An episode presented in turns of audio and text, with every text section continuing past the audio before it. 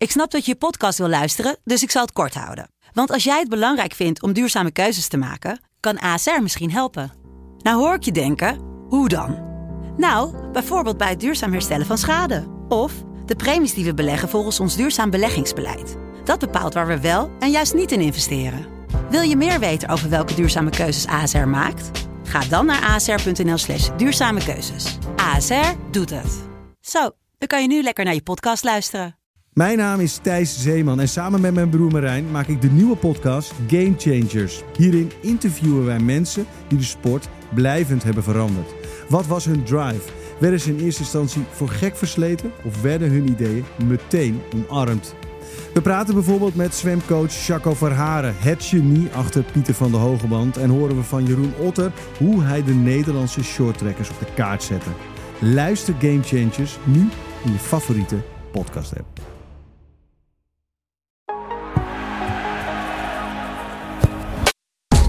Hi, ik ben Suze van Kleef. En ik ben Kim Lammers. En in deze podcast gaan wij in gesprek met aanvoerders van Nederlandse ploegen die iets bijzonders presteerden. Het succes van een team hangt natuurlijk van veel factoren af, maar heel vaak is er één duidelijke gemene deler: een sterke aanvoerder. Iemand die respect afdwingt, voorop gaat in de strijd, maar ook onderdeel is van de groep. En die ervoor zorgt dat het geheel meer is dan de som der delen: een team. Wat is de rol van de captain binnen en buiten de lijnen? Welke successen staan er op hun naam? En wat hebben ze geleerd van die keer dat het niet goed ging? Welkom bij Aanvoerders.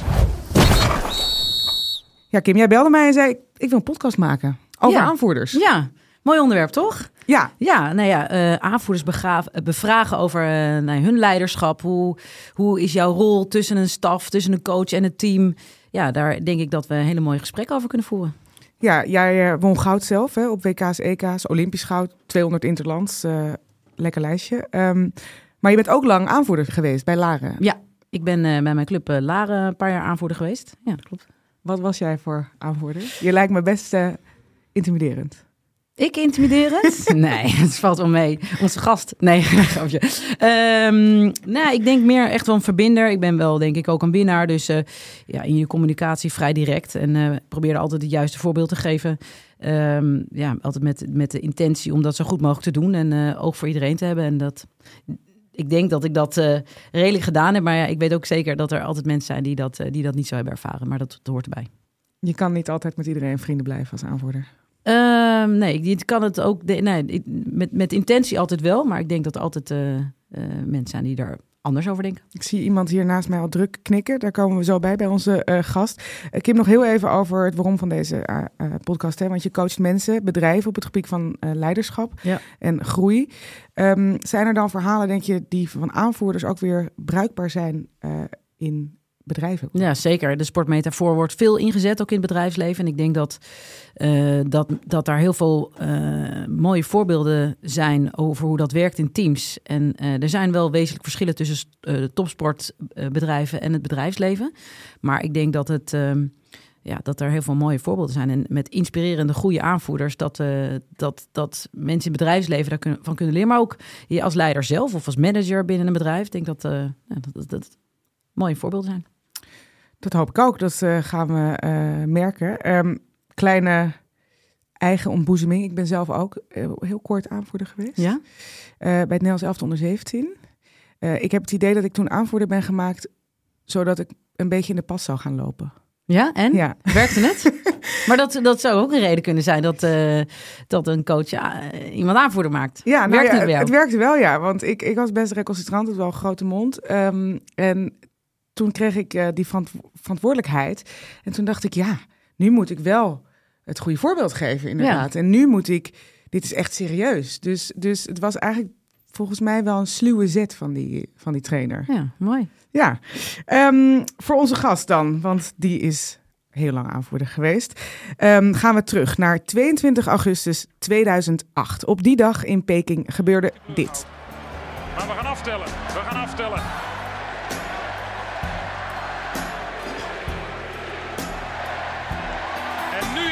Zover. Het Nederlands vrouwenteam wint goud in Peking. Goud, goud, goud. Olympisch goud. We horen het voor de Nederlandse hockeyvrouwen. Nadat het vier jaar ervoor in Athene in de finale onverwachts misging. Um, ja, in die periode, Kim, denk ik eigenlijk ook uh, aan jou. Jij speelde toen ook bij de Nederlandse ploeg. Maar hier was je dan weer niet bij. Vorm, vormdipje. Ja. ja, was dat het? Nee, nee uiteindelijk denk ik... Uh, ja, was, ik had wel struggelde wel met mijn vorm en aanloop naar de Olympische Spelen. Dus uh, ja, liep, liep helaas anders voor mij. Is dit pijnlijk om te horen? Nee, niet, inmiddels niet meer. Ik, kan, ik bedoel, soms moeten dingen gebeuren om er uiteindelijk sterker van te worden. En dat heeft dat opgeleverd. Um, nee, ik, ik, kijk daar uh, ja, niet anders op terug dan hoe dat toen voelde. Um, wat wil jij weten van de aanvoerder van dit team? Um, ja, dit is, dit is in, in, in dat, op dat moment in Athene is, dat, uh, is het niet gelukt. En ik denk dat ze toen wel het beste team hadden. En vier jaar later is het wel gelukt. En tussentijd werden ze ook nog even wereldkampioen. Na heel lange tijd dat de Nederlandse hockeyvrouwen weer een grote prijs wonnen. En ik moet trouwens bij het wereldkampioenschap we zeggen. Maar uh, daar was ik wel bij. Maar uh, en, en ik denk dat die hele transitie, dat dat, heel mooi, dat dat een heel mooi verhaal is. En dat onze gast daar heel mooi over kan vertellen. Minke Boy, daar zit ze. Eindelijk uh, zijn we bij jou. Je won uh, als hockeyer meerdere, meerdere EK's, Champions Trophy en een WK. En het hoogst haalbare, het Olympisch goud. In 2006 werd je ook nog uitgeroepen tot de beste speler ter wereld. Daarna was je manager vrouwenvoetbal bij de KNVB. Nu ben je topsportdirecteur bij consultancybedrijf Eiffel en ambassadeur van de stichting Spieren voor Spieren. Welkom. Minke, we hoorden net het uh, einde van jouw aanvoerderschap, de gouden medaille. Maar laten we eerst even teruggaan naar 2004, net na de uh, Olympische Spelen van Athene. Verloren finale. Toen werd jij aanvoerder van de Nederlandse hockeyvrouwen. Waar stonden jullie toen als team? Nou, dat was een heel, uh, ja, toch wel een heel moeilijk moment. Uh, de Spelen zijn ook wel vaak een moment dat veel speelsters afscheid nemen. Hè. Er waren een, een, groep meiden waar ik wel heel lang mee gehockeyd heb. Die ietsje ouder waren dan ik en wel na Athene aangaven van het is mooi geweest. Dat zie je vaak in de topsport gebeuren. Je denkt in Olympische cycli, in de Olympische sporten. Alleen we hadden dat jaar, en dat weet Kim ook nog wel, want die was daar ook bij, nog een Champions Trophy in Argentinië. En toen heeft Mark Lammers, dat was toen de bondscoach, geen familie Dank van Kim. Goed dat dat meteen heeft ja, gedaan ja. Dit hebben jullie altijd, maar wordt altijd gedacht. Dit hebben jullie vaker gedaan, ook, denk zeker. ik. Nee, maar die kozen toen voor om meteen met het nieuwe team, of met een nieuw team, de stap te gaan zetten om nieuwe Olympische cyclus richting Beijing eigenlijk zo snel mogelijk op te starten. En toen zijn we met dat team, hè, in december was het volgens mij naar Rosario in Argentinië gegaan. Met heel veel jonge meiden ook, maar ook met een groep die wel in Athene waren.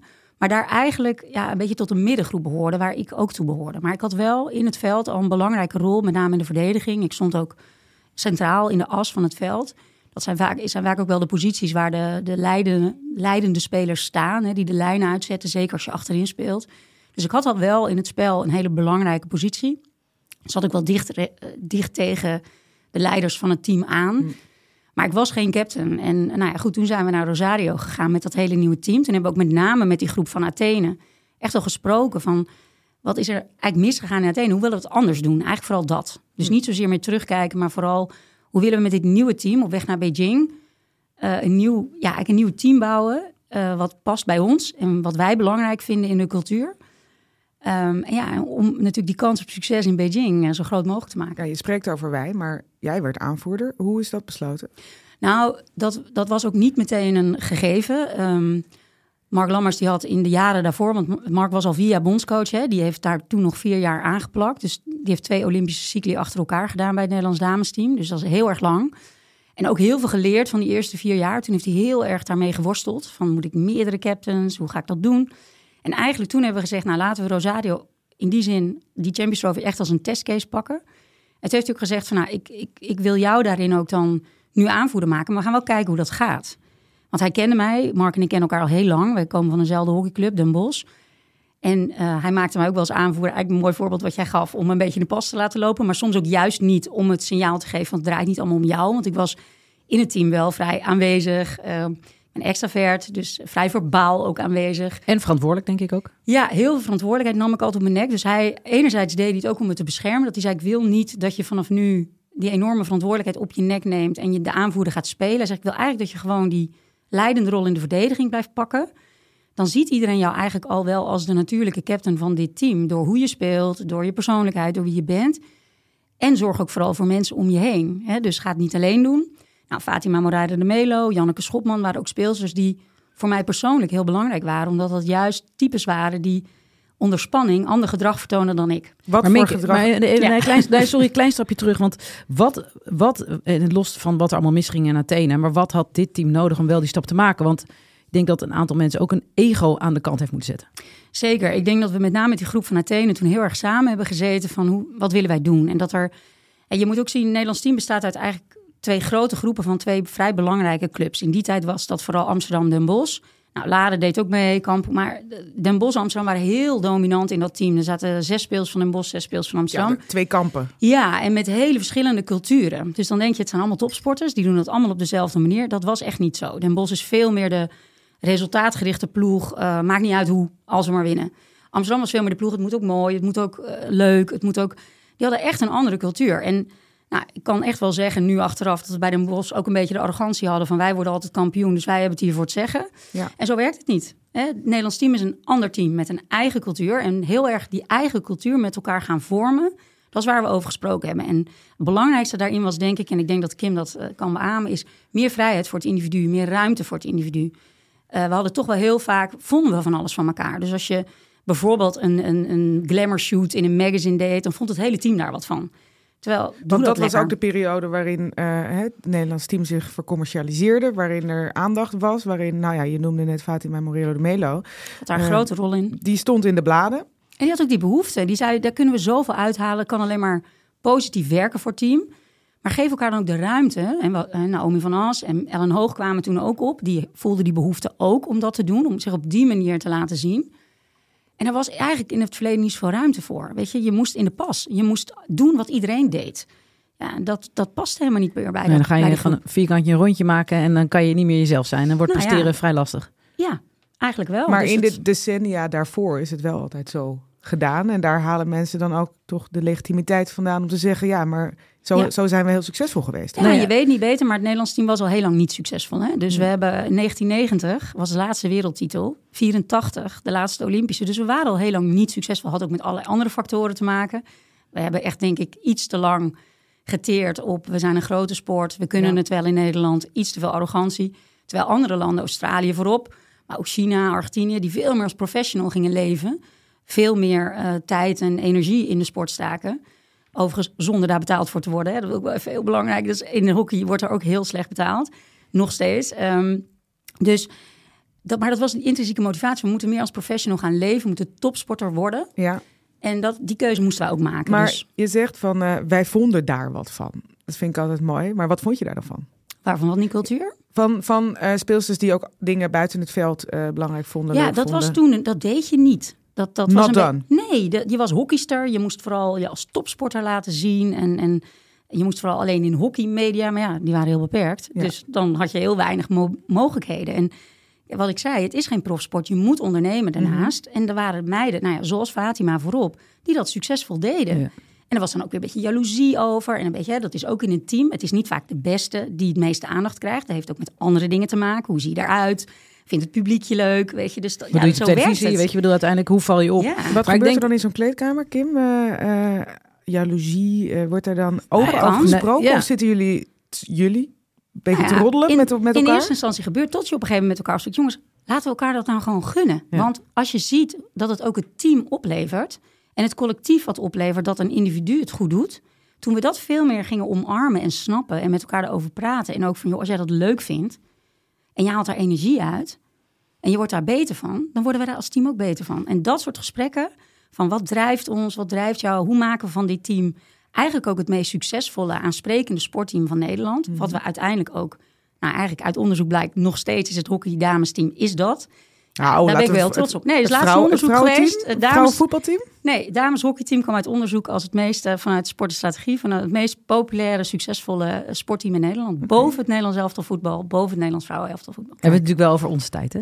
Maar ik ben nog wel even nieuwsgierig, Mink. Want ehm, eh, jij omschrijft net... ehm, ik, weet ook dat het zo werkte. eh, Den Bosch tegen Amsterdam. Ehm, dan is het ook doordat er doorgeselecteerd wordt... omdat mensen stoppen, om wat voor reden dan ook... krijg je een nieuwe dynamiek in die groep.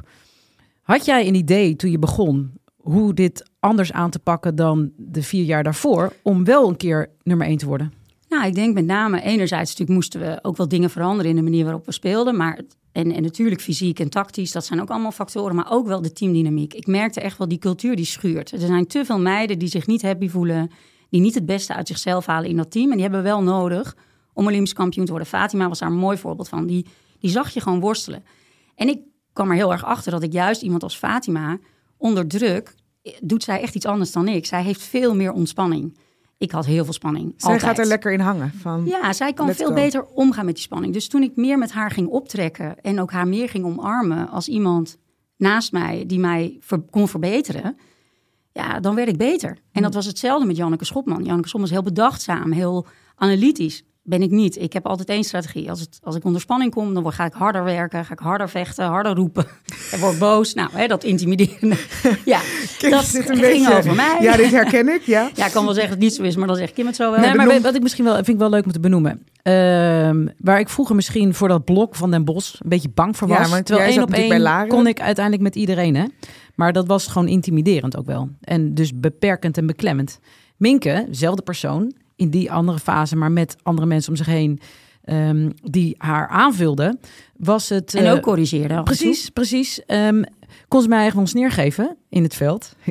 Als ik mee verdedigde, wilde ik nog eens de bal terugplaatsen. Niet doen, Nou. Kim, niet doen. Maar dan kreeg je een volle sneer. Maar dan we, we- altijd wel met eh, gewoon, daar heb ik, dat vond ik nooit spannend, vervelend of, of eng. Of nee, maar altijd met, dat was echt is bizar hoe die hele dynamiek in die groep veranderde. En dat kwam dus ook omdat ze mensen om zich heen verzamelden. Meer verschillende Ja, waren. en ook eh, denk ik daarin, eh, ook voor de coach heel belangrijk was. Weet je, ook daarin, alles moet kloppen. Hè? In, en dat het nou een bedrijfsleven of sport is, kan je nog de beste coach hebben, maar als je er niet de juiste eh, captains, aanvoerders, in dit geval één aanvoerder hebt, dan eh, kan het helemaal anders lopen. Want in die tijd ook, en dat is misschien nog wel een leuke anekdote, eh, toen de Olympische kleding werd uitgereikt, had eh, Mark Lammers nog wel een, lichte paniekaanval, omdat Vaat de binnenkant van het jasje mooier vond dan de buitenkant. Misschien, ja, was erbij, is dat wel een leuk verhaal om Hoe te ging vertellen. dit?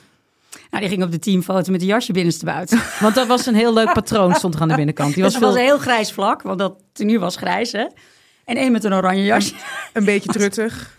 Of ze heeft toen op een gegeven moment de schade in al die kleding gezet. En toen had ze ook nog een column in het eh, AD, had ze volgens mij, geschreven dat ze, de, nou ja, dat ze de kleding niet mooi vond. Nou, toen hadden we natuurlijk ook meteen heel Ja. NOC Den dak had ze bijna een eh, schorsing aan de broek hangen. Ja, en een straftraining van Mark natuurlijk. Maar dus ik denk maar ook dat in de dynamiek tussen jullie, dat is zo'n grote verandering geweest. Want Kim, ehm, nou eigenlijk beide. Eh, dit is dus een voorbeeld van een speelster die komt eh, een beetje in opstand. Of die wil zichzelf zijn. Hè? Dus die wil eh, net even wat anders met die kleding.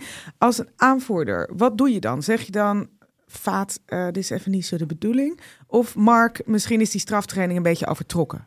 Nou, daar ga je dan over in gesprek. En natuurlijk, de ene keer zei ik ook, Vaat, dit is eh, even niet, eh, nu moeten we in de pas. Dit is nou eenmaal de Olympische Spelen. Iedereen moet dat een jasje aan. En eh, jij zat nog in de kledingcommissie, dus... ja. En dan ga je nu zitten Nee, uitgekozen. Nee, maar goed, weet je, daar praat je over. Alleen dat, er, dat zij ook wel zich gehoord voelt van... oké, ik snap waar dit vandaan komt. Ik denk dat wat we in die tijd echt hadden was begrip voor elkaars verschillen. Hè? Want jij zei al heel mooi complementair dat. Dat we juist de verschillen gingen omarmen van elkaar. Terwijl we in het verleden die verschillen heel ingewikkeld vonden. En we wilden graag dat iedereen op elkaar leek. En iedereen hetzelfde gedrag vertonen. Dat gaat niet. En dat wringt voor heel veel mensen. Dus juist het omarmen van... Jij bent anders dan ik en dat is mooi. En wat kunnen we daaruit halen, ook voor het team? Waar wordt het team dan beter van? En die diverse kwaliteiten bij elkaar omarmen... dat is echt wel, denk ik, een van de, nou ja, de grondleggers van het succes later geweest. Dat er Ja. ook meer ruimte kwam voor het individu. Ook voor jongeren dus, die in het verleden echt vooral in de pas moesten lopen. Ja, want dat vind ik ook interessant als je even naar het heden trekt. Hè. Er zijn heel veel bedrijven ook bezig met cultuurverandering, eh, met, met hoe we met elkaar om eh, moeten gaan. Maar er zijn ook veel mensen in bedrijven van die er al lang werken en die zeggen, dit doen we altijd al zo. De, de Kim, hoe, hoe denk je dat zo'n cultuurverandering... eh, Kijk, onder verandering houden we, houden we niet van. Ik al helemaal niet. Maar onder verandering ligt dus eh, weerstand, er ligt twijfel, er ligt angst. En het is heel belangrijk, eigenlijk doorloop je volgens mij een aantal fases. En de eerste is dat je, dat je een beetje awareness moet creëren. Waarom gaan we dit nou doen? En wat betekent dit voor mij? En waarom zou deze keer wel werken? Weet je, het is heel belangrijk om je mee te nemen in dat verhaal. En ik denk dat Mark Lammers dat destijds gedaan heeft met... Oké, we worden al tweede en derde. Om eerste te worden, ja, dan moeten wij fulltime, ik zei net al eventjes, onze sport gaan beoefenen. En ehm, nou ja, daar gingen wij in weerstand, want we moesten stoppen met studeren, stoppen met werken. Het was niet zo dat we nou, een heel dikke boterham aan het hockey verdienden.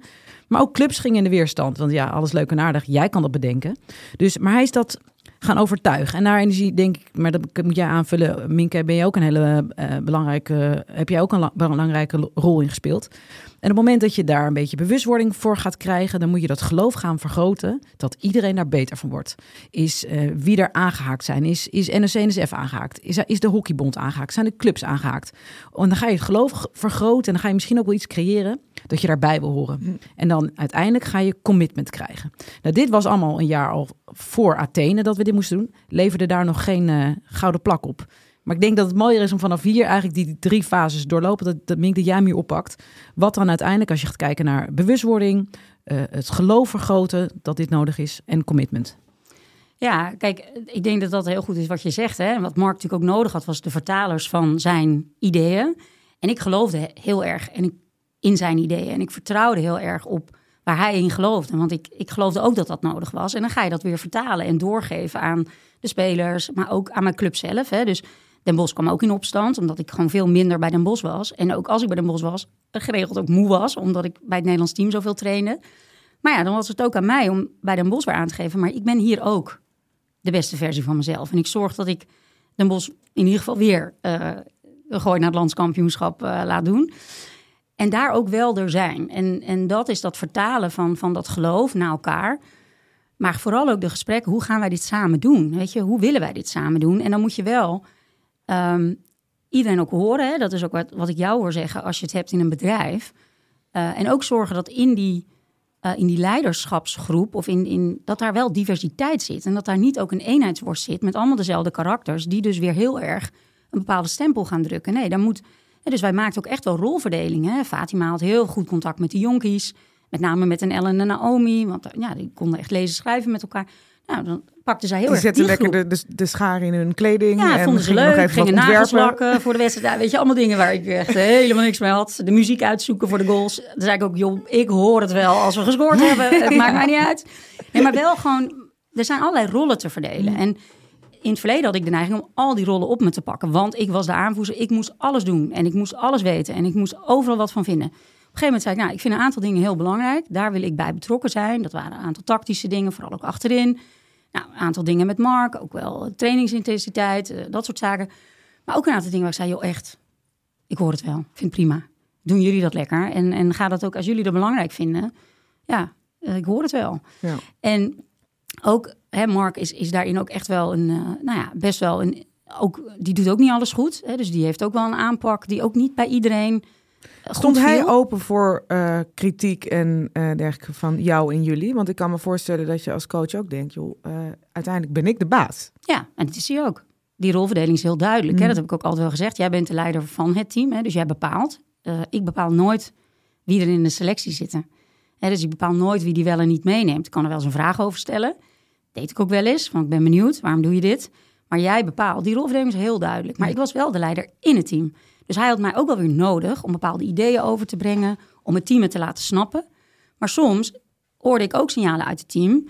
Het, we zijn te moe, uh, het wordt vervelend, we hebben hier echt geen zin meer in. En dan ging ik ook wel eens naar Mark. Toen zei ik, ja Mark, ik denk dat het nu tijd wordt om toch dit of dit te doen. De teugels even te laten vieren. Ja, of iets anders doen. Of ik deed dat met Jan Albers, onze manager, die daar ook heel veel invloed op had. Of Sandra Lepolen later. En soms kreeg ik hè, kregen we onze zin en soms ook niet. Hè? Ja. Dat is ook, ja, alleen je gaat wel in gesprek. En ik denk wel, wat daar heel erg mee te maken heeft, is vertrouwen en begrip. En, nou, en ik denk, dat hadden Kim en ik bijvoorbeeld hè, ook. We hadden heel veel vertrouwen in. Ik, ik geloofde altijd in haar goede intenties. Zij was altijd hard aan het werk. En ik denk dat zij dat bij mij ook had. En dan kun je veel hebben van elkaar. Want ja. nogmaals, Mark is ook niet perfect. Ik heb echt wel een haat-liefde met Mark ook wel eens gehad. Want hij zat altijd op mijn nek. Mark is een ongelofelijke perfectionist, wat heel veel coaches zijn. Ze konden me af en toe ook wel schieten. Maar het, ik, nogmaals, ik had zo'n vertrouwen in zijn aanpak. En ook wel in, in zijn intenties. En, en ik herkende heel veel in hem als hockeyer. Want hij leek als hockeyer erg op mij. Dus dat, dat is dan is er ook al een begrip. Ja. Eén laatste ding wat ik hier nog over wil weten, eigenlijk van jullie twee. Dat, het lijkt mij heel moeilijk om, om tegelijkertijd aanvoerder te zijn. En dus ook het verlengstuk naar de coach.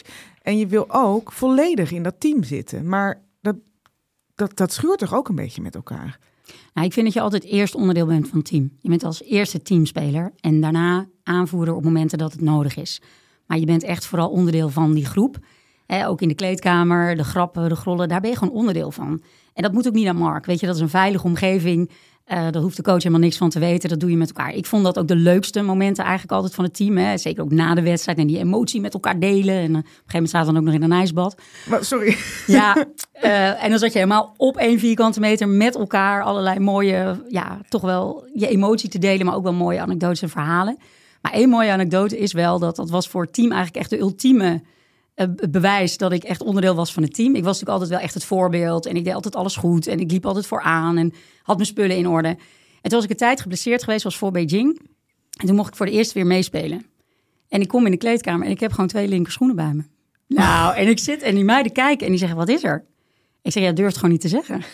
Ja, wat? Ik Oh, heb twee linker schoenen bij me. Nou, en dat team, jongen, die, ja, dat was ook een soort bewijs van, zij is niet perfect. Weet je, zij doet ook dingen fout. Zij maakt ook hele domme blunders. En dat was wel een heel mooi moment. Iedereen stond te juichen omdat jij de verkeerde spullen bij had. Ja, ik geloof dat Ellen Hoog het in een interview nog wel eens gezegd heeft. Van, het was zo'n heerlijk moment dat, zij dat, dat haar dat ook gewoon overkomt. Eindelijk. Ja, en we zaten vlakbij het hotel, dus de manager ging snel mijn andere schoenen halen. Dus het kwam helemaal goed. Wat was het moment voor jou, het meest sprekende moment waarop je dacht, nu moet ik echt even de aanvoerder zijn? Nou, soms als het in, een, in het veld niet lekker liep. ehm, of als het vertrouwen zakte. Hè, als bijvoorbeeld een, eh, we kwamen voor en ineens komt er een tegendoelpunt. Ik weet nog wel, het WK, daar was Kim bij. Eh, in de finale tegen O- Australië kwamen we 1-0 voor. En wij waren altijd goed als we aanvallend speelden. En durfden te hockeyen. En wat doen wij? We stoppen met hockeyen en we gaan verdedigen. We gaan de voorsprong verdedigen. Maar het was nog in de eerste helft. En uiteindelijk krijgen zij een onterechte strafbal. Nou, iedereen had verwacht dat ik uit mijn plaats zou gaan. En de scheidsrechter volledig, eh, eh, misschien wel met geel of rood eraf. Dus Mark die stond eigenlijk al van, ik durf niet te kijken wat er gebeurt. Ja, het parool schreef eerder over jou op, op het veld is een borrelend vat Ja. van emotie. Ja, dat Ja. klopt. Ja, kan ik niet ontkennen. Op Nee. dat moment heb je dat nou, op dat moment vat. Nou, op een gegeven moment, er zit ook een mooi stuk in de, in de film die over het WK gemaakt is, dat ik echt heel erg boos word en dat het gewoon geen effect meer heeft. Dat je, Miek van bijvoorbeeld, die daar ook echt, die zei op een gegeven moment, ja joh, ik hoor het niet eens meer. Als Ja. je dat doet, dat doe je altijd. En toen ik wel dacht, ja, het gaat ook om effectiviteit. Het, het werkt dus niet meer. Dus toen wij die eh strafbal tegenkregen en die ging er ook nog in, het werd 1-1, dacht ik eigenlijk alleen maar, oké, bal in het midden jongens, en gaan we nu weer normaal doen. Het is weer 0-0, helemaal goed, begin opnieuw. En ik denk dat dat voor het team misschien wel nog het meest verrassend was... dat ik aan niet boos werd en dacht, laat maar zitten, eh, nieuwe kansen. En ik, kon, ik kon het altijd zo lekker ook aan Mink zien. Hè? Dus eh, action Ja. speaks louder than words. Dan, dan hield ze misschien, maar je zag aan alles non-verbaal. Schuddend met haar staart. En, eh, dus ehm, ja, mooi. Ik, ik weet het niet eens meer zo dat je het... Nee, maar goed, het grappige was dat ik ook niet, hè, ik was er ook niet bewust van dat Mark laat zijn dat ik wel dacht, oh ja, ik ben helemaal niet boos geworden op dat moment, terwijl dat wel voor mij een hele natuurlijke reactie was Ja. geweest, want altijd mijn voorkeur. Maar dus daarmee gaan spelen, met je leiderschapsstijlen ook, dat probeer ik zelf ook altijd aan leiders van, joh, speel ermee. Als het niet meer werkt, er zijn heel veel clichés in de sport. Als je doet wat je altijd deed, hè, krijg je wat je altijd gekregen hebt. Dus ik deed altijd hetzelfde. Nou, en door ook wel de feedback van een Fatima en een Janneke, maar ook wel van Mark, maar ook wel van jongere meiden, van het werkt niet meer. We doen gewoon eh, onze oren dicht en dan horen we je niet. Ja. Ja, dan heeft het geen effect. En dan moet je toch gaan spelen. En nogmaals, het gaat nog niet eens vaak bewust. Toen ging het bij mij ook onbewust. Maar iets anders doen op het moment dat de situatie daarom vraagt. En dat zijn wel cruciale momenten eh, in zo'n wedstrijd. En die, kijk, daar heb je op een gegeven moment... Je wordt, ik werd natuurlijk niet aanvoerder toen ik 23 was. Ik was al 27 toen ik aanvoerder werd. Ik had natuurlijk wel heel veel ervaring. Ik had al heel veel finales gespeeld. Je voelt op een gegeven moment... Oeh, we laten het schieten of, of we veranderen iets. Of je voelt in de energie van het team, er gebeurt iets. De spanning neemt toe. Of ja, daar moet je op letten. Maar over het algemeen moet je echt, en dat is wat Mark me ook altijd opdroeg... zorg nou eerst gewoon dat je goed speelt. En dat je je niet gaat gedragen als de leider. Ik heb ook best wel veel met systemisch werk gedaan. En dan stel je het eigenlijk op. Ja. En wat, ik, wat toen heel zichtbaar werd, omdat ik, ik voelde weer heel veel spanning voor Beijing. En wat toen heel zichtbaar werd, is dat ik eigenlijk tussen het team en het doel stond. En dat zeiden, ja, maar door jou kan het team dat doel helemaal niet meer zien. Dus je maakt je zo groot met alle goede intenties, maar het helpt het team niet. Je maakt het team eigenlijk zwakker. Ja, dus je moet die stap eigenlijk terug doen, erboven gaan hangen. Wat heeft het team nodig en niet per se wat, wat zou ik nu eh, meteen uit een eerste ehm, impuls willen, willen doen. Ehm, Mag ik, mag ik nog even Ja. tussenvragen? Nou ja, ik ben gewoon even nieuwsgierig ook als je het hebt. Hè. Je, je hebt het over vertrouwen. Het extreme vertrouwen wat je van Mark voelde, maar ook vanuit het team voelde. Ehm, dat het daardoor ook kon schuren. Want ik geloof dat het vertrouwen de basis is van een succesvol team. Ehm, eh, wat heb jij daar zelf aan gedaan om, om dat stuk Nou, dat is een hele goede vraag, want dat is ook echt heel cruciaal geweest. Me kwetsbaarder opstellen. En dat wilde ik nooit. In de eerste jaren dacht het team ook dat ik een soort robot was. Die gewoon een knop aanzet, het veld in en dan inderdaad, nou ja, wat jij ook schrijft. Maar ook een soort robot die niet te passeren was. Dat, dat werd, werd ook over mij vaak geschreven. Ja, een soort rots in de branding, onneembare vesting, die staat daar. Het interesseert er ook niet of ze ballen tegen zich aankrijgt. Ik werd echt een beetje karikatuur van mezelf. Tot ik op een gegeven moment dacht, maar dat ben ik helemaal niet. Ik ben ook onzeker. Ik heb ontzettend veel spanning. Dat was ook heel vaak een reden dat ik, nou ja, uit mijn slof schoot of boos werd of het niet onder controle had. En door dat te gaan delen op een gegeven moment, kreeg ik ook veel meer begrip van het team. En door me veel kwetsbaarder op te stellen. En doe je eh, dat in een wedstrijdbespreking of in de kleedkamer Nee, dat- voor, voor een wedstrijd? Of- Nee, dat doe je veel meer in de periodes dat er, geen, dat er niks op het spel staat. Hè. Dat is natuurlijk wel het fijne bij topsport. Wat echt wel een verandering is of een verschil is met het bedrijfsleven. Wij trainen heel veel. Ze hebben heel veel periodes in het jaar dat je helemaal niet hoeft te... Ja, je, moet wel presteren, er is wel een wedstrijd. Maar Ja, maar bedrijven vergaderen ook heel veel. Nee, maar, het, maar het is wel even. Ik denk dat. er zijn elke dag deadlines en die heb je in de sport. Olympische finales één keer in de vier jaar. Nou ja, en belangrijk is denk ik, ehm, hoe, eh, Nederlands elftal ging toen een eh, eh, fulltime programma draaien. Dus met overnachten. Dus elke maandag en dinsdagavond werd er heel veel tijd besteed. Dat is echt ook een groot verschil in het bedrijfsleven. Doen, Mhm. doen allemaal dezelfde dingen met ehm, eh, action type of met eh insights of met zo'n kleurenprofiel. Maar ja, dus die doen het, krijgen een rapport en denken, hé, hey, ik herken mezelf. En ehm, in topsport besteed je daar misschien wel vier tot acht uur per week aan over je missie, je, je doelstellingen. Hoe gaan we met elkaar om? Wat vinden we belangrijk? Even los van wat we daar op het hockeyveld doen. Ja. Maar ook inzicht in mezelf. Hè. In het begin dacht ik ook echt dat ik sterk was en sterk moest zijn en alles zelf moest doen. Dat wilde ik ook. Maar je ging een beetje in de mythe minken geloven. Ja, veel te veel. En, en, en dat, dat verzwakte me eigenlijk alleen maar. Want ik werd alleen maar zenuwachtiger. Ik wil even terug eh, naar, naar het veld. eh, de, de sport zelf, hè, Olympische Spelen, dus 2008. Je had twee keer eerder meegedaan aan die Olympische Spelen. Nu moest het wel echt gaan gebeuren. Eh, je zei al van, ik had heel veel spanning normaliter. Hoe, met welk gevoel ging je naar dat toernooi? Nou, ik heb er bijna een soort missie voor mezelf van gemaakt om, om er in ieder geval van te genieten. Want dat is me in Sydney en Athene eigenlijk niet gelukt. Ik ben daar heel veel nerveus vooral geweest. Eh, en dan is het ook niet zo heel erg leuk om Nee. daar te staan. En het is natuurlijk het mooiste wat er is. Hè. Kim heeft er zeker lang op moeten wachten. En het is geweldig om mee te maken. Want Zonde ook. Ontzettend bijzonder, ja, dat vond ik ook. Dus het was voor mij bijna een soort doel op zich om met een goed gevoel uit Beijing terug te komen, ongeacht het resultaat. Nou weet ik natuurlijk niet of dat gelukt was als het resultaat anders was geweest, want het was goud. Maar het voelde wel veel beter. En er is in Beijing ook nog van alles gebeurd. Er zijn eh, stafleden naar huis gegaan vanwege overlijdens in de familie. Het was ongelooflijk onrustig. De spelen zijn altijd overigens heel onrustig. Niks gaat zoals jij wil dat het gaat. En het heeft alles te maken met dat je gewoon een heel klein onderdeel bent van een enorm evenement. Het gaat niet om hockey. Het gaat al helemaal niet om het Nederlands dameshockeyteam. Het gaat om het evenement. En wat voor onrust, wat moet ik me daarbij Ja, voorstellen? de bus die er niet is. Dus ja, nou, dan ne- neem je de volgende bus. Dat dan je hele programma in de war loopt. Jij staat dan niet Niemand als die een soort gek naar een bus te zoeken. De eerste keer wel, maar daarna denk je, oké, het komt vast wel goed. We moeten vooral rustig blijven. Ehm, nou, misschien moeten we dan de teambespreking in de bus doen. Ja, weet je, dat zijn allemaal, je wordt flexibeler. Hmm. En dat heb je echt nodig op de Spelen. Daarom zie je ook vaak dat heel veel mensen op de eerste Spelen niet presteren. Want die worden overweldigd door wat daar allemaal gebeurt. Eh, dat dorp is enorm. Ehm, komen sporters op je af. Hè. Er lopen ook heel veel toeristen rond in dat dorp. Sporters uit landen die helemaal niet voor een medaille gaan. Maar gewoon fantastisch vinden dat ze daar zijn. Ja, het is, Mensen die ongeveer nog nooit een hockeystick hebben vastgehouden.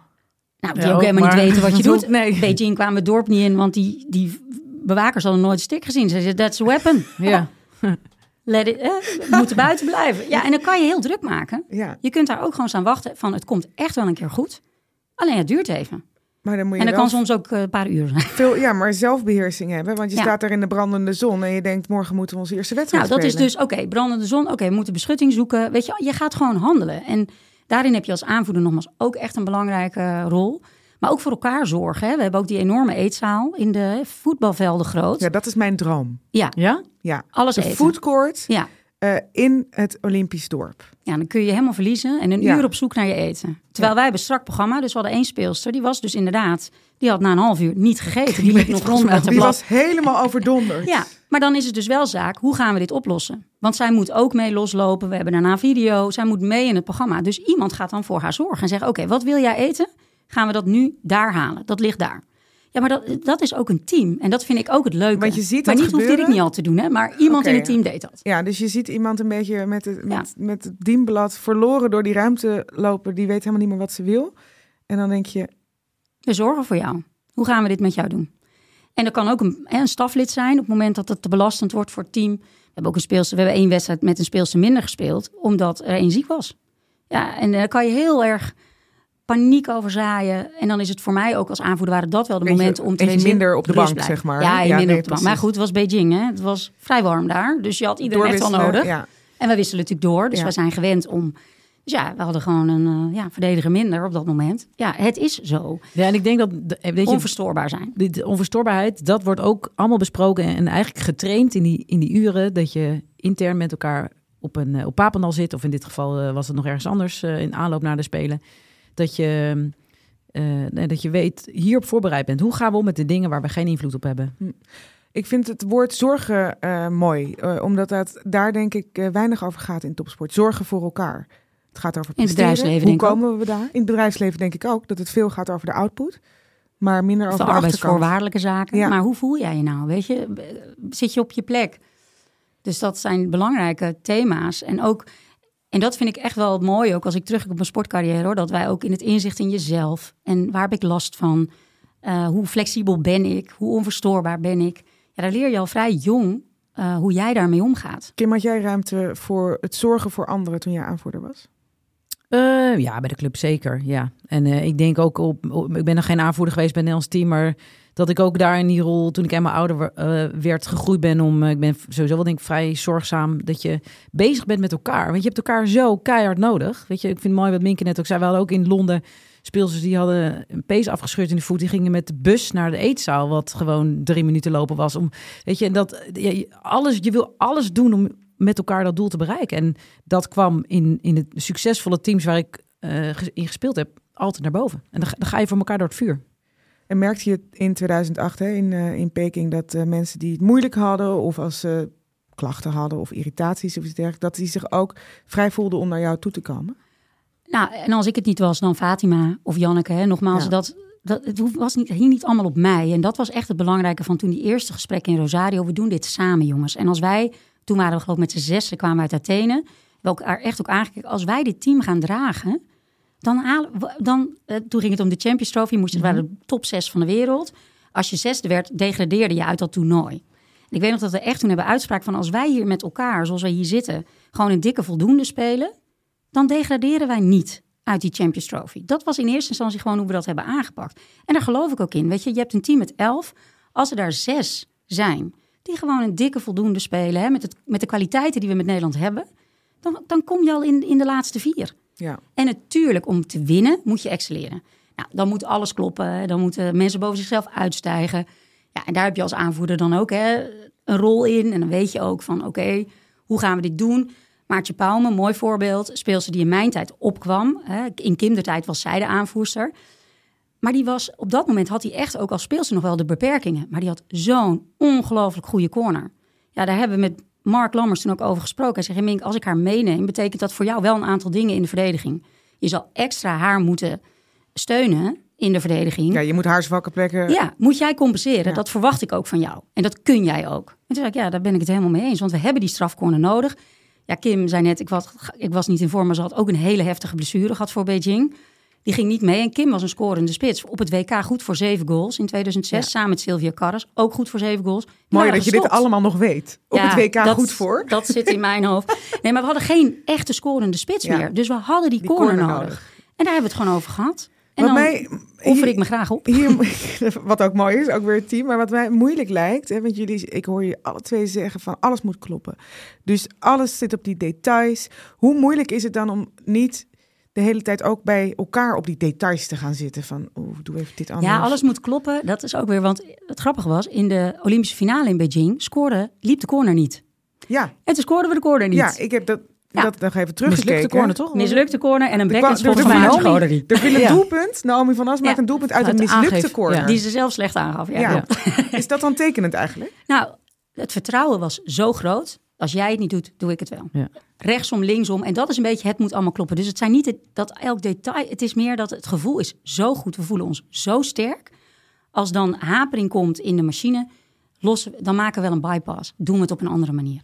En dat is denk ik, maar dat zit dus veel meer op het vertrouwen in elkaar, de diverse kwaliteiten. We waren niet alleen maar afhankelijk van de corner van Pauw was heel belangrijk, maar we waren niet volledig afhankelijk van haar.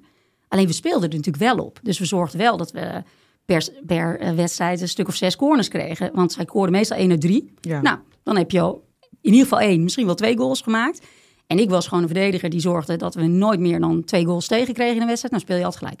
Zo, ja, zo Ja, simpel zo denk ik ook. Maar ik denk wel even, ik ben er natuurlijk bij geweest. Volgens mij in aanloop, een jaar voor Beijing, is er ook nog wel iets gebeurd eh, wat, eh, wat de boel allemaal misschien op scherp heeft gesteld. We hebben verloren een EK-finale van Duitsland. Daar was je ook nog bij. hè? Ja, ja. Ja. ik had echt de toppers, was ik altijd Ja, bij. ik wou net Nee, zeggen, ik dacht dat ik met een succesvolle hockeyer Nee. hier aan tafel Nee, was ik wel Kim, bij. maar- Ik was er wel bij. Ik was er wel bij. Maar Nee, zet je WK. jullie inruilen. Dat WK waar Kim bij was.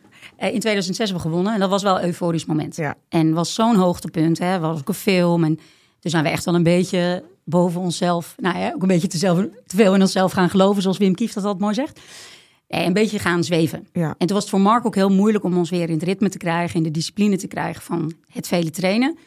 Ehm, ja, en dan moet je ook af en toe weer even met de neus op de feiten gedrukt worden van... dit is niet de manier, dit gaat niet goed. Maar jullie Ehm, dachten gewoon, nou, we, zijn, we hebben het eigenlijk wel geregeld. Ja, we iedereen zijn voor wel goed zichzelf genoeg. op een manier. Ik was weer veel te veel de aanvoerder aan het uithangen. Ik voelde me weer veel te Heel verantwoordelijk. veel aandacht, natuurlijk heel veel fotoshoots. Ik bedoel, was Ja, randzaken. Wat, wat jij natuurlijk zei, we zijn natuurlijk eigenlijk allemaal gewoontedieren. Hè? Dus die patronen die ik heb, die ik echt wel herken bij mezelf als niet effectief, niet versterkend, liggen wel altijd op de loer. Ja. Als ik niet oplet, doe ik het weer. Ja. En alleen het fijne is dat ik het nu iets eerder zie. En dat ik het iets eerder herken en denk, oh ja, hey, ho, ik heb hulp nodig. Ik moet me tot anderen. Ik moet niet weer die enorme verantwoordelijkheid op mijn nek nemen. Ik, heb, ik moet met mensen over praten. Alleen soms zijn er gewoon van die momenten, dan, dan zie je dat even niet. Nou, dat was de zomer, exact wat Kim zei, voor de, eh, in 2007, voor het jaar voor Beijing. Maar dat heeft alles op scherp gezet. Daardoor zijn we weer goede gesprekken met elkaar gaan voeren. Wat vind prettig? Want die dynamiek en die cultuur en die hiërarchie in zo'n team verandert natuurlijk ook continu. Ja. Dus dat was bijvoorbeeld ook, Ellen en Naomi heb ik ook al een paar keer genoemd. Die waren heel lang echt de jonkies. Maar toen niet meer, want toen kwamen even de Goede en Lieden Welten er ineens Ja. bij. Piepjong.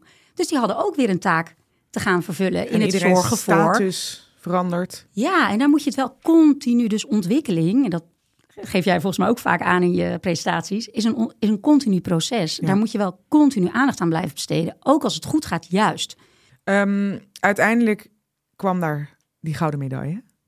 Hè? Na heel veel, wat ik ook hoor, heel veel gepraat en heel veel, wat is jouw rol en heel veel met elkaar. Nou ja, van en hoe gaan voor we- mij ook nog een blessure. ook nog. Ja. Ehm, jullie wonnen dus 2-0 van China. Ehm, waarom, waarom denk je uiteindelijk dat het toen wel lukte?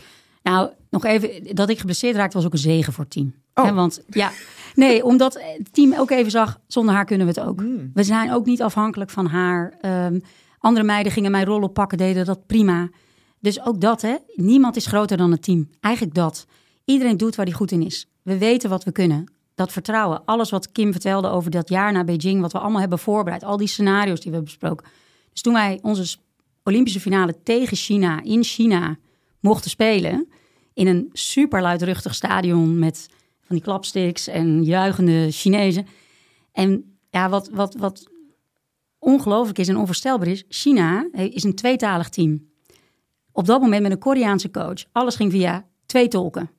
Die communicatie gaat dus, ja, wauw. Ik Ja. zou überhaupt niet weten hoe je dat moet doen. Dus alles duurt lang. Dus daar hadden wij ook al helemaal van, joh, weet je, wij hebben op dat moment Mark misschien, hè, we hebben alles voorbereid, wij weten het echt wel. Hè, dus tuurlijk staat Mark te coachen hoor, want die- hij wekt nu wel eens de illusie dat hij niks zegt langs de lijn. Nou, dat was nooit zo, hè? Kim? Bij deze. Nee, ehm, hij was altijd, maar hij heeft ook zijn spanning. Dus dat begreep ik ook. Hij moet ook die spanning kwijt. En hij ziet ook dingen. Hij is nogmaals zo'n perfectionist. Dus hij het liefst heeft hij die controle. Maar het vertrouwen van wij kunnen dit. We weten wat we moeten doen. En als dat niet lukt, doen we het zo. Ja, en dan dat vertrouwen, dat is wel echt de basis geweest. En dan uiteindelijk is daar die gouden medaille. Ehm, hockey staat er onbekend dat het goede feestjes eh, geeft. Wat is er gebeurd in de uren na de gouden medaille? Nou, ehm, voor mij is altijd het allermooiste moment van het fluitsignaal. Want dat is echt dat intense moment met je team en de staf. Dat je in elkaars armen valt, elkaar aankijkt. Voor mij op dat moment vooral opluchting van het is gelukt en ik ben nu klaar. Dus ik, ik stopte ook, hè, dat wist ik ook. Dus ik was, het was ongelooflijk voldoening. Vol, ja, een gevoel van voldoening. Ja, en dan komt er een tijd van wachten op het podium met uh, het, volkslied en de medaille die wij kregen van kroonprins Willem-Alexander, wat ook wel heel bijzonder was. Ja, en dan komt er voor mij als aanvoerder uh, na de persconferentie, dan komt er eigenlijk een heel saai stuk waarin je helemaal niet bij het team bent, wat helemaal niet leuk is. En ik weet nog wel, in die persconferentie zaten honderd Chinezen die ook allemaal in het Chinees vragen stelden aan de Chinese coach en de Chinese speelster. En wij zaten er echt bij van, wat doen we hier? Dus heeft Mark op een gegeven moment ook tegen die dame die dat dan leidt gezegd... kunnen wij even met de Nederlandse journalist en dan weg? toen heeft ze gezegd, ja, want we moeten naar het Hollandhuis. Ja, en dan is het natuurlijk naar het Hollandhuis en, en dat was weer een heel leuk feestje. Maar ja, heel eerlijk, ik weet nog dat die jonge meiden tegen mij continu zeiden... Meek, we gaan dansen, je moet op tafel. En, je moet... en ik was alleen maar doodmoe. ik wilde gewoon zitten. en lekker een drankje doen en... Uh, vooral van genieten. Maar het, het lijkt me, het, ik kan het zo moeilijk voorstellen dat, dat je levenswerk, zoals het eigenlijk op mij overkomt, dat ja, dan dat, op zit. Ja. Bij 31. Hoe voel je je dan? ja, voor mij echt. Ik, ik was op dat moment gewoon vooral heel trots, uh, dankbaar ook voor alles wat ik heb mogen meemaken in die sportcarrière, de mensen die ik heb ontmoet, wat ik over mezelf heb geleerd, eigenlijk het hele traject. En ook wel echt een voldoening van het is gelukt. Dit was, dit was waar we voor gingen het is gewoon gelukt. Ik geloof dat ik dat wel honderd keer gezegd heb. Het is gewoon gelukt. het is gewoon gedaan. Dat was eigenlijk de persconferentie met Minke. Het is gelukt. Ja, ik, ik, er, is, er zijn interviews van daarna. Dan zie je ook gewoon de, de, ja, de opluchting, de blijdschap van... Oh, ja, en ook wel dat er gewoon, nou, ik denk, kilo's van mijn schouders vielen van... Hè, dit, dit, dit moest lukken. En ja. We vragen aan elke aanvoerder, wat mag een gouden medaille kosten? Ja, dat is voor iedereen zelf te bepalen. Voor jou? Heel veel. Ja, ik, uh, en, en, en daar kijk ik ook met, uh, hè, als ik het nu terugzie, ik zie mezelf de strafcorner nog uitlopen. De suicide uitloop die ik uh, nou ja, bijna bedacht heb. So, sorry, je moet het heel even ja, uitleggen. Nou ja, bij de Want je doet alsof het een heel normaal ding Ja, dat is geen normaal fenomeen. Dan loop je in het schot met alle nou ja, risico's dat je geraakt wordt. En um, ik liep zonder masker. De hele tijd ook nog zonder bitje. Oh. Heb ook genoeg schade daarin opgelopen. En als ik dat nu terugzie, kan ik het ook, weet je, vind ik dat ook, denk ik ook, wat doe je? Absurd. Ja, en toch, ja, de, ik zou dat nu zo weer in de, op dat moment weer doen. Want ik weet hoe ik er toen in zat. Ik wilde gewoon goud winnen. Dus ik, voor, ik had daar veel voor over. Maar dat moet iedereen voor zichzelf weten. Dat, ik verwachtte dat niet van een ander. Dit ja, deed maar ik. Een verbrijzelde oogkas, ja, dat ja. moet dan maar. Ja, dat, uh, die is er geweest. Oh. Ja, Nee, maar zo, dat, dat, ik, we denk dat uh, Mink, ik, dat was, uh, zouden we op Champions Trophy gaan of iets, kan me herinneren. Dat het echt ja. het weekend ervoor, de, dat je toen ja. niet meeging. Maar uh, ja, dat, wat dat betreft lijken Mink en ik misschien wel. Ik heb ook echt fysiek alles, alle grenzen opgezocht. om, om, en dat is ook een valkuil, altijd maar harder. En nu, ik bedoel, we hebben, jij hebt een versleten knie. Ik heb van de week gehockeyd en besef dat moet ik nooit meer doen. Ja, dat doet soms pijn, maar het, ik, het was meer dan waard. Je moet ook niet meer gaan hockeyen als je de 40 gepasseerd bent, denk ik. Nee, hè? oh, dat mogen we niet zeggen natuurlijk. Nee. Maar, nee, niet als je het op ons niveau hebt gedaan. Nee, maar voor mij was het, was het echt waard en nogmaals, het was gewoon een, een prachtige tijd. Mooi. Um, dankjewel. In deze podcast brengen we iedere aflevering een spectaculair sportverhaal. Maar we willen onze luisteraar ook graag inspireren als het gaat om leiderschap. Um, wat zijn nou dingen, uh, Minke, die jij hebt geleerd van jouw rol als aanvoerder van de Nederlandse hockeyvrouwen? Nou, wat jij in het begin wel zei, dat leading by example, dat is wel belangrijk. Dat vind ik zelf ook echt belangrijk. En nogmaals, dat kan niet elk moment en niet altijd, maar ik vind wel dat je een rolmodel bent. En dat je het uithangbord bent van je team en je, en je sport. Hè? Dus ook echt van het hockey. Dus spreek je uit. Um, ben je dat ook bewust? Ik vind dat wel heel erg belangrijk. En, en daarin ook proberen om het beter achter te laten dan je het hebt aangetroffen. Hè? Dat is ook wat de All Blacks, hè? het fantastische uh, rugbyteam uit Nieuw-Zeeland, heel erg die cultuur heeft opgebouwd van je bent maar een tijdje onderdeel van dat prachtige team. Oranje is, is eigenlijk niet van jou. Je mag daar een tijdje onderdeel van uitmaken. En probeer daar dan een mooie stukje geschiedenis aan toe te voegen. En zo heb ik dat ook altijd gezien. En nogmaals, als aanvoerder is die rol dan misschien iets groter. En dan krijg ik heel veel mooie aandacht. Hè. Ik krijg altijd als eerste de beker. Ik mocht voorop lopen. Maar dan moet er ook zijn als het slecht gaat. En ik denk dat dat ook de echte leiders toont. Wat doen ze als het moeilijk wordt? Als je verliest, kan het niet zo zijn dat je een jonkie naar de pers stuurt. Dat kan echt niet. Dus aanvoersters die dat doen, die niet zelf voor de camera verschijnen op het moment dat ze verloren hebben, ja, dat, dat vind ik echt heel moeizaam. Dat kan niet. Jij bent de leider. Weet je, op dat moment moet je er staan. Moet je dat team beschermen. Ga jij voor die camera, ga jij het uitleggen. En stuur je niet, zoals voor mij dan voelde, een jonkie naar het front. Mooi. Ehm, afrondend uh, in deze, als je dat soort aspecten dan opnoemt, wie vind jij op dit moment een goede aanvoerder? Het mag elke sport zijn die je kunt verzinnen. Ja, jeetje, dat vind ik echt. Ik zat er net aan te denken dat had ik natuurlijk moeten voorbereiden. Hadden we het erover gehad. En ik, heb er, uh, ik, ik vind het echt een hele moeilijke vraag. Ik vind het echt een hele moeilijke vraag. Um, omdat natuurlijk ook vooral, je ziet de aanvoerders altijd in de teams. Hè? Terwijl je hebt ook hele grote sporticonen die hun sport echt groter hebben gemaakt. En dan ben je natuurlijk ook een soort aanvoerder. Want dat is wel hoe ik het zie. Je bent, je ja, pakt een leidende rol. Ja, Ja. ja, maar de aanvoerder is ook een soort ambassadeur. Ehm, nou, ik, ik heb hoge verwachtingen nu van Pien Sanders bij Den Bosch. en, uh, Waarom is dat? Nou, omdat ik, ik heb haar nu in de play-offs gezien. Ze had een moeilijk jaar met Den Bosch. En ik vind dat ze het geweldig heeft gedaan. Ze heeft zich echt een vechter getoond. Uh, voorop in de strijd. En daar hou ik van. En, uh, en dat je in ieder geval in de play-offs kan de aanvoerder niet onzichtbaar zijn. Dus als je niet in vorm bent, dan ben je maar op een andere manier. Maar je zorgt dat jij zichtbaar bent. En dat heeft zij voor mij op een hele mooie manier gedaan. Ik had aan het begin van het jaar dat ik, was ik best wel benieuwd van hoe gaat ze dit doen. Ze is jong. Het is een niet een makkelijke periode bij Den Bosch na het afscheid van een aantal succesvolle meiden en altijd torenhoge verwachtingen. En nee, ze hebben de finale niet gehaald voor het eerst in 25 jaar. Maar ik vind wel hoe zij zich in de halffinale voorop ging in de strijd. Dat wil ik zien. En dan is het goed. En, als je, en dan is het resultaat wat het is. En Amsterdam heeft het gewoon heel goed gedaan. En daar feliciteer ik Kim als assistent trainer nog steeds mee. Niemand zit heel tevreden aan de andere Ja, kant als te je kijken. 24 keer hebt verloren van, eh, van een- en je wint één keer. Dan Maar mag je dankjewel, ik neem mee zijn. Misschien eh, eh, wel de nieuwe aanvoerder ooit van het Nederlands elftal? Ik hoop het. Pien Het zou een mooie traditie zijn van eh, de reeks bosse aanvoerders die we in het Nou, ze verleden heeft al hebben gehad. eh, toch doorgedraaid al met... eh, Ja, ze hebben nu ook weer een groepje, hè, geloof ik. Ja. Dat is ook een les, hè? Eh, mensen om je heen verzamelen en het misschien met elkaar eh, die verantwoordelijkheid dragen. ja, en toch is er altijd één iemand echt de aanvoerder. En dat was Minke Boy. Ja. Kim, heb jij hier iets van eh, opgestoken? Ga je in naar eh, die, die lezingen die je bij bedrijven eh, geeft, ga je nog wat toevoegen in je sheet?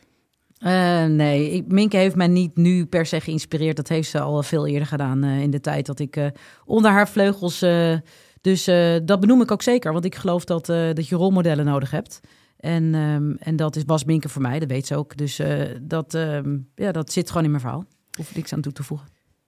Minke, eh, ik heb wel eh, een hoop geleerd, want ik heb niet het privilege gehad om eh, onder jou in een eh, team eh, te hebben gespeeld. Misschien mag je daar blij mee zijn. ik denk het niet, ik denk het niet, want eh, volgens mij heb je het met heel veel zorg en aandacht eh, gedaan. Dankjewel eh dat je hier was. Dit was Aanvoerders. Mijn naam is Suze van Kleef en naast mij zit Kim Lammers. Deze podcast is te beluisteren op Apple Podcast en Spotify. Vergeet je vooral niet te abonneren. Dan ben je op de hoogte als er een nieuwe aflevering online staat. Tips kunnen naar aanvoerders.kortimedia.nl. Dus ken je nog een leuke aanvoerder of ben je nog een leuke aanvoerder? Laat het weten. Dank voor het luisteren en graag tot volgende keer. Dan weer een nieuw verhaal van een aanvoerder.